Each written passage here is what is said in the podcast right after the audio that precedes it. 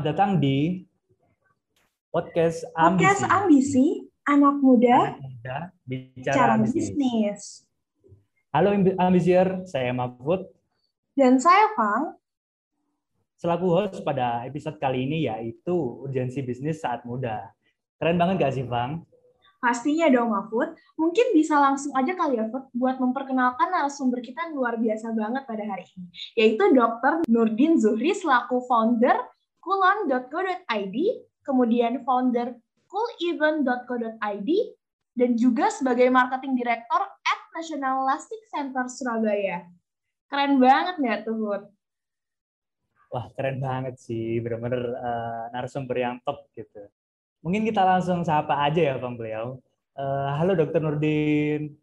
Halo, Halo, halo dok. Gimana, Gimana dokter kabarnya? Alhamdulillah sehat-sehat ya dok ya. Luar biasa, sehat. Alhamdulillah sehat-sehat dok. Eh, Oke, mungkin kita bisa tanya-tanya langsung ke Dokter Nurdin ya Bang terkait tema kali ini nih. Nah, eh, begini dokter, eh, saya mau tanya nih dok. Menurut dokter, apa saja faktor yang paling penting dalam memulai bisnis gitu dok? Ya untuk mulai bisnis pertama ya, ya. Jadi kita kalau kita di ini kan kebetulan mahasiswa FK ya, mahasiswa FK jadi dokter. Jadi kalau kita bicara bisnis itu kayaknya sesuatu sesuatu yang unik ya, Eh, karena tidak tidak semuanya punya pemikiran seperti itu. Tapi kita juga harus punya jiwa entrepreneur ya, jiwa entrepreneur itu eh, bisnis itu tidak hanya identik dengan dagang ya. Entrepreneur itu kita harus punya sesuatu yang lebih eh, empowerment, kemudian kita eh, mencari solusi, nah, mencari solusi dari permasalahan yang ada. Sama sih sebenarnya dengan kita yang ada di dunia kedokteran kan pasien datang kepada kita dengan masalah ya. Pasien datang dengan kita dengan keluhan mata kabur, dengan keluhan badan panas. Nah, kita eh, carikan solusi gitu. Nah, bagaimana faktor-faktor yang harus dimiliki oleh pebisnis pemula ya. Yang pertama, pebisnis itu harus punya jiwa entrepreneur. Dia itu harus visioner, tahu sudah tahu, eh, seolah-olah bisa melihat masa depan gitu ya. Kira-kira layanan ini atau produk ini atau punya saya ini nanti itu akan dibutuhkan orang. Produk saya, solusi saya itu akan bantu banyak orang gitu. Visioner yang pertama.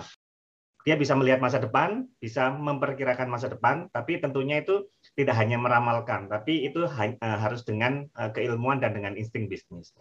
Kemudian yang kedua harus pantang menyerah. Ya, kalau kita lihat orang-orang yang sudah sukses di bisnis, kita hanya dengar cerita enaknya, tapi kita tidak tahu, tidak tahu berdarah-darahnya bagaimana, jatuh bangunnya bagaimana, kesulitan bagaimana. Kita tidak tahu, kita tahunya cuma di puncak aja. Ya, itu kan eh, kalau kita lihat seperti iceberg phenomenon ya, hanya puncaknya aja yang kelihatan sedikit, dalamnya itu nggak kelihatan. Ya, kemudian eh, kita di dunia kedokteran itu harus sebagai orang intelek ya kita harus punya ilmunya. Nah, jangan bonek, bonek, bonek jangan hanya koboi gitu ya, jangan koboi, jangan bonek, pokoknya bodoh nekat buka usaha langsung jalan gitu ya.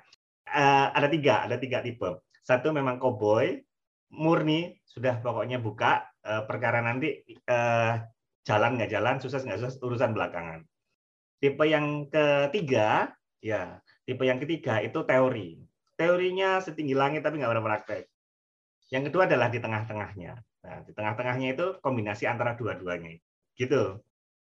Wah keren banget ya Fud. Jadi aku baru tahu ternyata untuk membuka bisnis itu bukan hanya modal nekat doang kan ada tuh ya dok. Yang orang-orang tuh bilang ya udah buka aja dulu nanti giliran eh, gimana-gimana ke depan tinggal jalanin Nah, aja. Tapi ternyata emang harus punya strategi dan ilmu-ilmu khusus tentunya. Benar-benar. Nah, eh, dok, eh, saya ingin bertanya, dok, eh, cara menentukan market yang tepat tuh bagaimana ya, dok?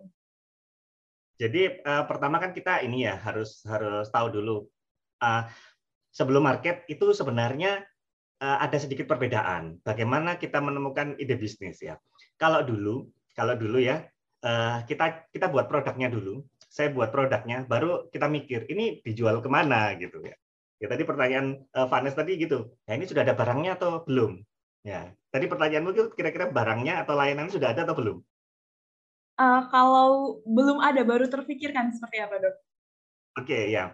Nah, itu bagus. Kalau belum terpikirkan, itu bagus. Karena gini, kalau dulu uh, old mind itu ya, paradigma lama, kita buat produknya dulu, baru kita cari marketnya. Ya, jadi produk ini ada, kita baru cari market. So, uh, kita yang harus menyesuaikan dengan market. Tapi kalau yang sekarang, new mind gitu ya, uh, paradigma yang baru, kita cari dulu marketnya, masalahnya mereka apa, baru kita cari solusi gitu. Ya.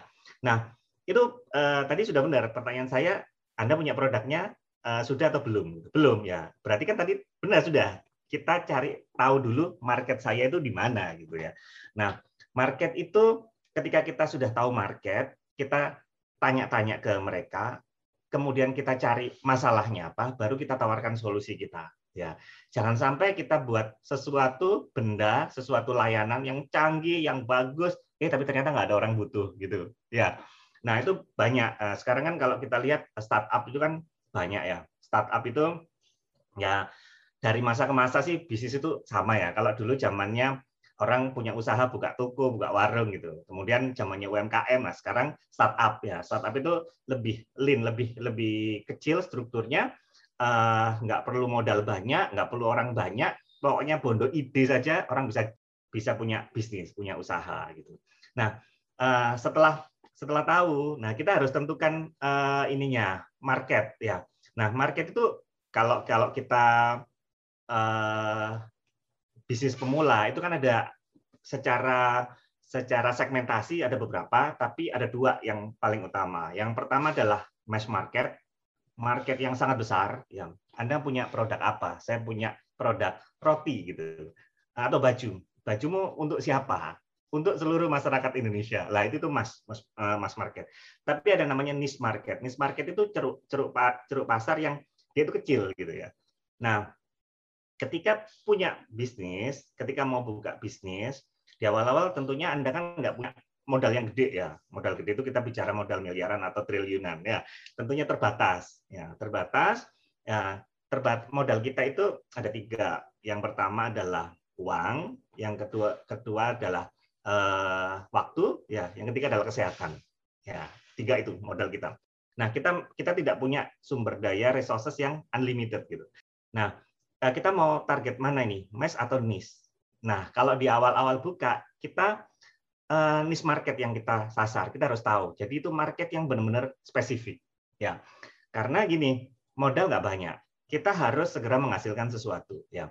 Anda punya produk produk baju. Nah, baju saya ini untuk siapa target market saya? Oh, untuk masyarakat Indonesia tadi saya bilang. Masyarakat Indonesia secara keseluruhan. Nah, itu gede banget. Kita nggak bisa, nggak, nggak kepegang nanti terlalu besar. Tapi lain kalau saya punya produk baju ini uh, spesifik untuk dokter. Untuk dokter di mana? Untuk dokter yang praktek di rumah sakit, scrub gitu ya. Nah, scrub itu kan sudah spesifik. Ini target marketnya di sini gitu, niche market. Jadi di awal-awal kita tidak perlu punya market size uh, yang banyak. Ya, market size yang luas, nggak usah. Uh, produk saya dibeli ini, dibeli ini, dibeli ini, enggak. Tapi Anda punya niche market, tapi dalam. Ya, daripada bajunya dibeli ibu-ibu, kemudian dibeli bapak-bapak, dibeli anak sekolah. Lebih baik, uh, saya ini punya produk yang ini dibeli oleh uh, dokter dokter yang praktek di rumah sakit. Tapi semua dokter pakai itu gitu. Ya, itu namanya niche market gitu. Wah, berarti ini benar-benar kayak apa ya detail sih, Bang. Benar-benar kayak step-step yang harus kita lakuin itu harus menyesuaikan gitu. Kita harus kita harus menyesuaikan masyarakat itu dan menyesuaikan nama kemauan kita sendiri. Mau mass market atau niche market gitu. Iya benar banget. Nggak boleh langsung asal jalan food karena kalau misalnya kita asal jalan nih nggak punya ibaratnya nggak punya pelurunya kita nggak tahu harus ngapain. Kayak ya udah. Nah iya. benar benar, benar banget sih kalau itu. Aduh keren hmm, uh, gini dokter ada pertanyaan yang sedikit terkait dengan uh, yang sudah dibilangkan sama dokter gitu nah menciptakan peluang usaha yang tepat itu kayak gimana ya dok kayak posisinya itu uh, gimana gitu biar pas gitu untuk mencari peluang usaha. Apalagi sekarang online kan, jadi kayak ini orang di mana-mana usaha dokter. Jadi seperti loh kita mau buka ini udah banyak yang buka. Jadi untuk menentukan yang tepat itu seperti apa dokter? Iya, yang lebih unik. ya, uh, jadi gini, pertama itu kan kita tahu nih, uh, nanti niche marketnya ini yang disasar. Solusinya apa gitu kan? Solusinya ini. Nah, dari ide akhirnya kan nanti kan setelah setelah kita uh, menggali-gali oh ini nih kesulitan orang yang mau kita kita cari gitu ya. Kita selesaikan solusinya ini akhirnya kita bentuk sebuah prototype nah sekarang namanya prototype gitu bahasa idealnya ya. Atau barang yang mau kita coba gitu tester lah gitu. Nah uh, setelah kita punya ide kita susun dulu tuh namanya bisnis plan. Ya bisnis plan itu banyak macam caranya. Kalau kalau ini uh, yang yang terkenal yang terkenal itu bisnis model canvas ya. Nanti bisa belajar sendiri atau search di di internet ya. Bisnis model canvas itu eh, BMC itu udah udah lengkap lengkap banget. Terus kemudian nanti di eh, BMC ya bisnis model canvas itu secara besar. Yang lebih kecil itu kita punya VPC namanya value proposition canvas. Nah nah di situ kita oret-oret. Jadi kan enak gini toh uh, Mas Mahfud ya daripada saya sudah punya ini saya jual ke sana sini eh gagal. Lebih baik kita oret-oretan aja di kertas gitu ya. Oret-oretan di kertas nanya sana nanya teman nanya gini. Oh ini nggak mungkin ini nggak mungkin ya. Kita coret-coret aja di di kertas. Nggak ada ruginya. Ya nggak ada ruginya. Daripada kita tadi koboi langsung turun kita pasarkan ih ternyata nggak laku gitu. Nah itu ide. Eh, kemudian susun susun bisnis plan. Kalau bisnis plannya udah mateng ya baru kita tes. Bisnis ide bisnis kita itu kita tes misalnya kita ada minuman nih minuman meningkatkan imun, meningkatkan uh, apa anti ini, meningkatkan sel darah putih, meningkatkan trombosit, meningkatkan leukosit gitu ya, atau meningkatkan uh, apa gitu. Nah, idenya itu, kemudian kita susun bisnis plan, kemudian kita tes, ya kira-kira target market kita tadi apa nih, dokter, masyarakat yang sakit, ya udah itu kita tes. Nah, setelah tes kita evaluasi, baru kemudian kita melangkah lagi membuat itu skala yang lebih besar gitu. Nah, setelah itu saya sih istilahnya kalau sudah kita jalan ya udah let's ride the wave gitu ya. Bisnis itu harus kita kita nikmati sebagai bagian dari perjuangan kita gitu. Gitu. Nah, tadi jangan takut. Nah, semuanya sekarang memang dunia online ya. Semua dunia online. Uh, semuanya itu sudah sudah ada gitu. Saya mau bikin ini kok sudah ada. Saya mau bikin ini sudah ada. Nah, nah makanya kita produk kita itu harus punya unique selling proposition, ya USP namanya. Nah, produk kita ini harus punya sesuatu yang unik. Ya, unik itu bukan hanya harga. Apa keunikan produkmu? Murah gitu. Enggak, yang lainnya. Sehingga kita bisa jawab, e, kenapa saya harus beli di Anda, kenapa tidak beli di tempat yang lain? Gitu. Ya, harus buat sesuatu yang unik. Tapi percayalah gini lah, bahwa rezeki itu sudah diciptakan. Kita itu cuma menjemput kok. Kita cuma menyebut rezeki ya. Jadi nggak usah takutlah dengan persaingan. Kalau barang itu sudah ada di pasar, artinya barang itu sudah dibutuhkan, gitu ya. Tinggal kita itu uh, mau mau ber, bertarung di red ocean atau blue ocean, sudah tahu itu red ocean atau blue ocean, sudah tahu? Belum. Belum ya. tahu dokter, seperti apa ya? Okay. Jadi kalau red ocean, red ocean itu lautan merah ya. Lautan merah berdarah-darah di situ persaingannya sangat banyak. Kemudian itu eh, ketat sekali ya. Harga itu kita bersaing sampai ribuan. Sana jual 100 ribu. Eh di sini jual 99 ribu. Di sini jual 98 ribu 500 gitu. Seperti di marketplace. Itu red ocean ya. Atau kita main di namanya blue ocean. Blue ocean itu di mana orang nggak main di situ nah ini kita bisa memberikan tawaran ya yang inovatif bahkan kalau kita bilang itu radikal gitu, disruption ya. Kemudian eh, tapi potensinya cukup besar dan itu sering dilupakan oleh pesaing, terutama pesaing-pesaing besar. Wah, itu benar. Bisa sekali ya. Ternyata apa menjual, ibaratnya kan eh, menjual kita bisnis tuh menjual sesuatu tuh ternyata nggak se sesimpel itu. Emang harus memperhatikan segala aspek sih Mahfud. Nah, banyak dok ini apa ya? Banyak perlu apa ya? Iya. Perhitungan di atas kertas gitu ya. Iya sih. Supaya kita trial and error-nya itu sedikit kayak gitu sih. Ya, benar benar benar banget, Dok. Nah, dokter ini ya. ada pertanyaan nih, kalau misalnya uh, nanti kalau kita udah punya bisnis dan bisnisnya udah berjalan lancar dan pasti kita kan membutuhkan karyawan. Itu cara menentukan penggajian yang tepat apabila sudah punya karyawan tuh seperti apa, Dok? Ya, oke. Okay jadi gini, ketika bisnis ketika bisnis sudah besar, sudah running, ya salah satu salah satu komponennya itu kan penggajian ya. Nah, kalau kita bisnis itu sudah ada cash flow, sudah ada masuk uang masuk, kita harus gaji karyawan, tentunya kita harus punya pencatatan ya. Kita harus punya pencatatan yang bagus. Nah, tapi nggak usah nggak usah inilah, nggak usah berkecil hati. Kita bukan jurusan akuntansi nih, toh gimana gitu ya. Nah, eh, apalagi masuk eh, kita harus lihat aktiva, pasiva eh, dan segala macam penyusutan itu di luar di luar bayangan kita gitu.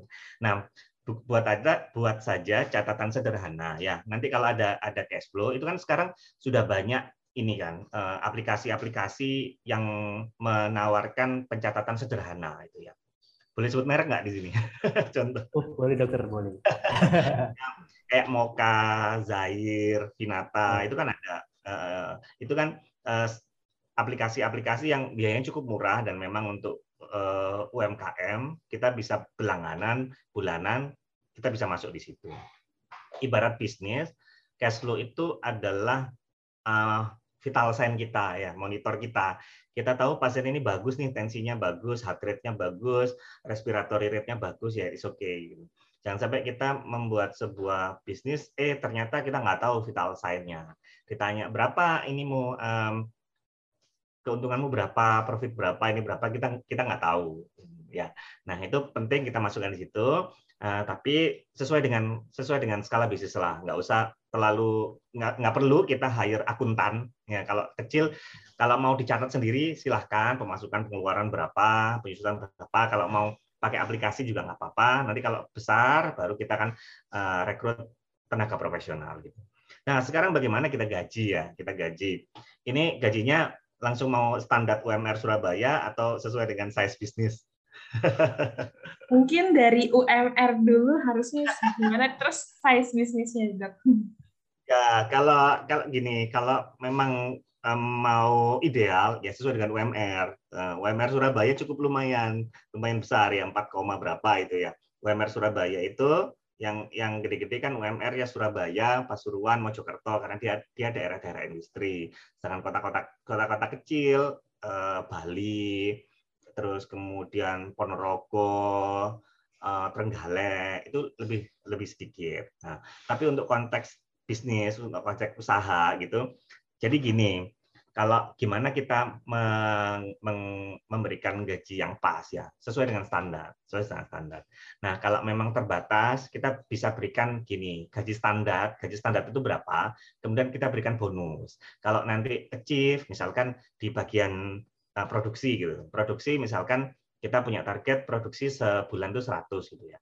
Standar itu 100. Nah, eh, kalau dia achieve bulan itu produknya 100 kita berikan bonus sekian gitu. Kalau lebih ya kita berikan uh, lebih gitu. Nah, biar kita juga merasakan karyawan itu tim itu juga happy, biasanya kita kita juga bisa berikan eh, bonus-bonus uh, kalau misalkan uh, target-target perusahaan itu tercapai, gitu. target-target bisnis itu tercapai. Nah, kita kalau teman-teman nanti belajar ada bagaimana kita itu indikator-indikator itu kan ada kayak KPI ya. Pernah tahu KPI? Key Performance Index ya. Ya target lah, target. Bagian produksi harus membuat barang sejumlah 100 gitu ya. 100. Nah, dalam tiga bulan, tiga bulan kalau dia kalau dia achieve eh, tiga bulan, misalkan kita punya target bulanan dan kuart, uh, tiap tiga bulan ya. Misalnya tiga bulan Kan tadi tiap bulan 100, 100 tiga bulan kan mestinya 300. Tapi kita naikkan. Kalau dalam waktu tiga bulan dia produksi 400, maka kita dapat tambahan tambahan itu, tambahan bonus gitu. Gitu. Nah, sekarang kalau penggajian penggajian di startup dan segala macam selain dari UMR tadi, ya tadi berbasis eh, kinerja. Ya, basis kinerja. Kalau biasanya tukang itu kan ada dua, dibayar harian atau dibayar borongan gitu istilahnya. Oh, iya, kalau iya. harian, eh, kalau harian itu ya sudah pokoknya masuk uh, berapa hari dibayar. Tapi ada yang borongan based on kinerja sebenarnya. Kalau selesai ya dibayar. Semakin cepat dia ini semakin uh, banyak dia mendapatkan. Kalau semakin lama dia olor-olor ya semakin sedikit yang didapatkan. Gitu sih. Gitu ya. Yang penting dua dua hal. Karyawannya happy, timnya happy, yang punya bisnis juga harus happy. Itu. Iya, benar banget. Soalnya kan biasanya kalau di pertengahan bisnis itu dok, kalau udah gajian nih terus bisnis kan nggak selamanya lancar ya dok. Itu pasti biasa yang punya bisnis tuh agak nggak happy kalau setiap gajian. Gini Vanessa, nah tadi caranya biar biar nggak pusing ya, itu harus pisahkan, pisahkan antara rekening pribadi sama rekening bisnis. Oh iya. Ya harus dipisahkan. Kenapa? Nah soalnya gini, um, Vanessa bisnis apa nih? Uh, kebetulan kalau orang tua saya bisnis ini dok, toko kelontong gitu, sembako. Oke, sembako ya. Nah itu itu gini, ada orang beli beras ya, beli beras uh, satu satu kuintal gitu ya beras satu kuintal misalkan, masuklah uang sekian. Nah, transfer misalkan. Nah, itu kalau kita nggak bisahkan rekening, maka itu dianggap rezeki kita. Wih, ada uang masuk nih sekian gitu. Akhirnya di, dibelanjakan untuk yang lain. Nah, ini kebetulan ini ada uang masuk, saya ingin ganti HP nih. Ya sudah, ini ada uang sekian nih, ada uang masuk 10 juta, saya mau ganti HP. Ya sudah, pakai itu. Itu, itu yang sering terjadi. Ya, itu yang sering terjadi. Nah, pusing itu karena tadi uangnya campur, ketika bayari nggak ada nggak ada uang, yang mana? Yang dibuka aja rekening. Sekarang itu kan gampang sekali buka rekening kan. Dari HP aja kita juga bisa punya beberapa rekening, tinggal eh, pakai download aplikasi eh, foto ya, upload foto, upload eh, KTP, terus kemudian kita bisa buka rekening baru. Semudah itu. Ya. Wah, iya sih dok. Emang berarti penting banget untuk memisahkan uh, uang pribadi dan uang bisnis ya dok ya. Iya, benar. Biar nggak pusing juga. Nah, ini dok ada pertanyaan lagi nih. Kalau tips-tips untuk menentukan harga jual untuk barang atau jasa kita tuh apa yang perlu diperhatikan ya dok?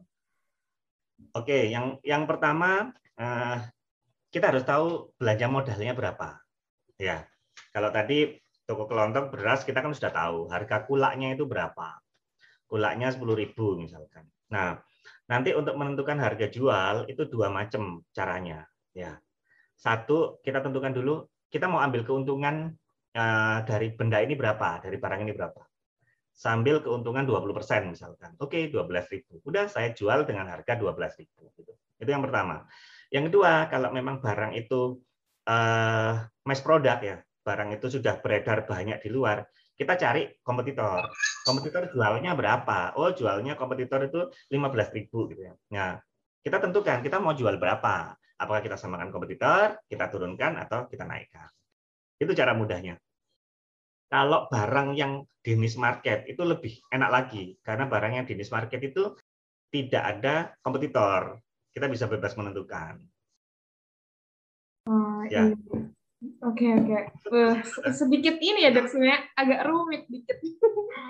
Enggak, enggak rumit, enggak rumit. Gini gini gini, enggak rumit, enggak rumit. Hmm. Jadi dua dua ya, dua caranya bagaimana menentukan harga jual, dua caranya. Saat eh, yang pertama sebelum kita tentukan harga jual, harus tahu dulu ongkos produksinya berapa. Oh, ya. ya. ya. baju bikin baju itu berapa, kainnya, penjahitnya itu harus tahu dulu. Ya, jangan sampai kita uh, tahu uh, harganya 10.000 kita jual 8.000 kan rugi. Ya. Nah, uh, ketika sudah tahu harga harga pokok produksinya, ya, baru nanti kita akan tentukan saya mau ambil keuntungan berapa. Tadi kan dua hal. Satu, kita tentukan dulu saya mau ambil keuntungan berapa dari barang ini. Saya ambil keuntungan 20% dari barang ini. Ya sudah tinggal ditambah, ditambahkan 12.000 gitu. Atau cara yang kedua, kelihatan kompetitor. Kompetitor itu jualnya berapa?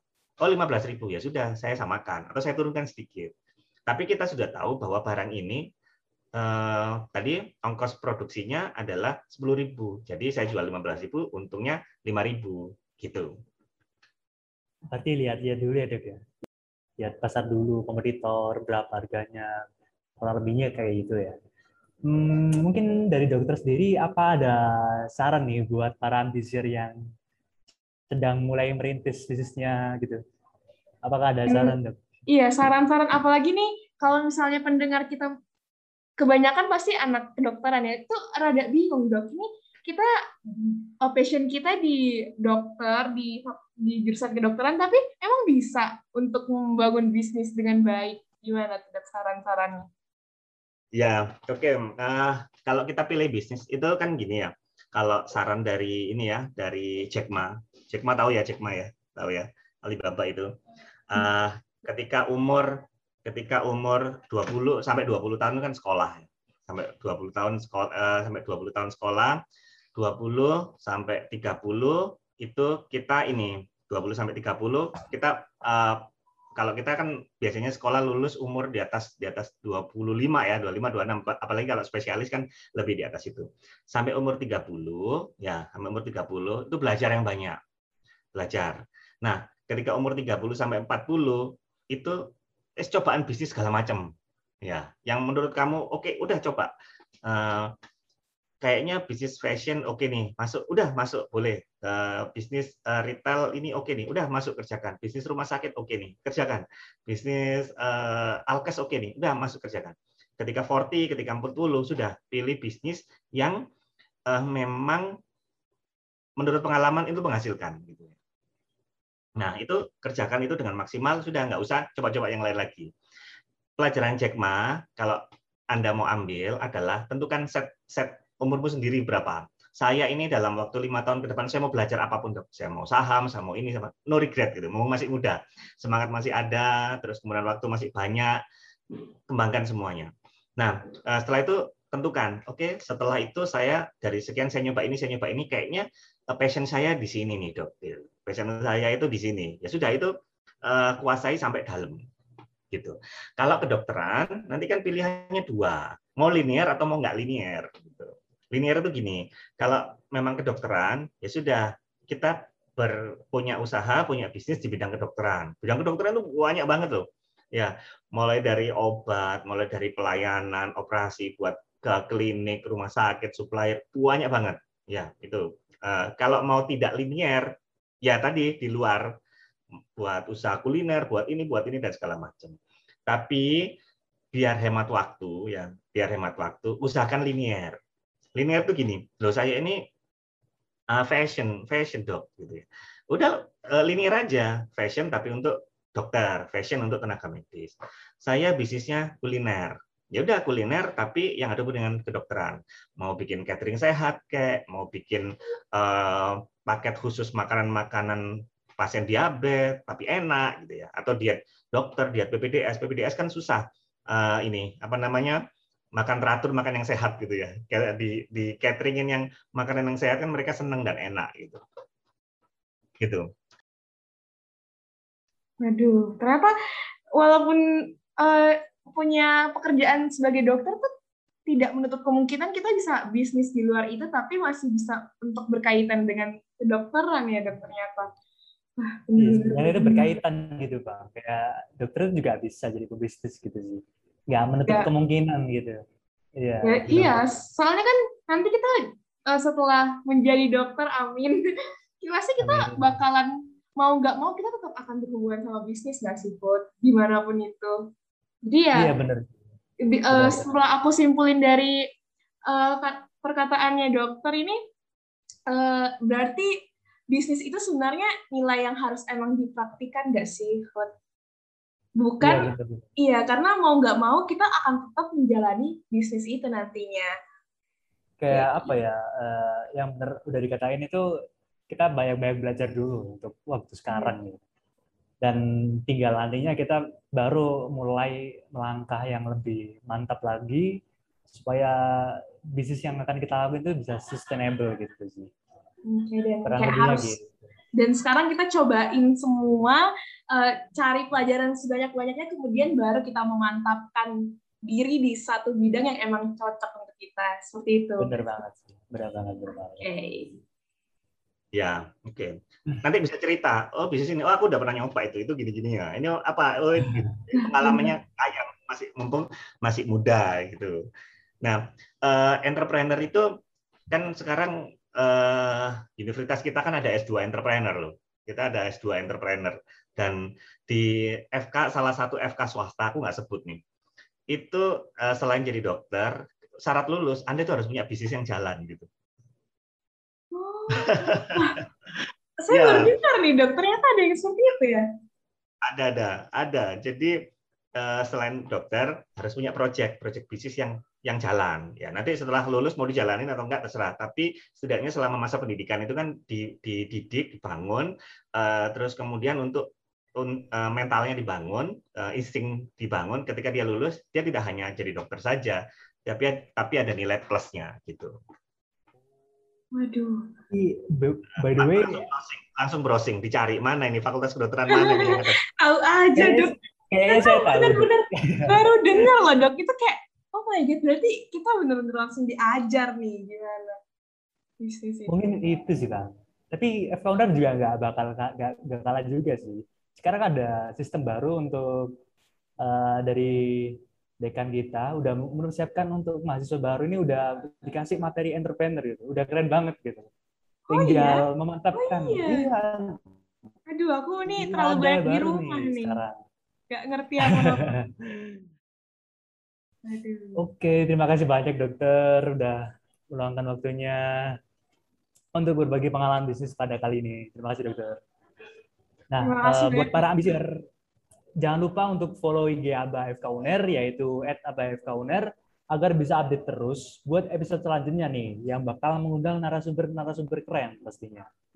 Bener banget tuh. Terima kasih banyak untuk Dokter Nurdin Zuhri udah mengeluangkan waktu di tengah kesibukan ini. Aku tahu pasti dokter benar-benar sibuk banget sih, tapi masih menyempatkan diri untuk bergabung bersama ABFK UNER dan memberi pengalaman-pengalamannya kepada teman-teman ambisier. Dan terima kasih juga buat kalian semua para pendengar podcast Ambisi aka Ambisier. Saya Fang. Dan saya Mahfud. Stay tuned and, Stay tuned and see you next chapter. chapter. Terima kasih banyak dokter. Terima kasih dokter.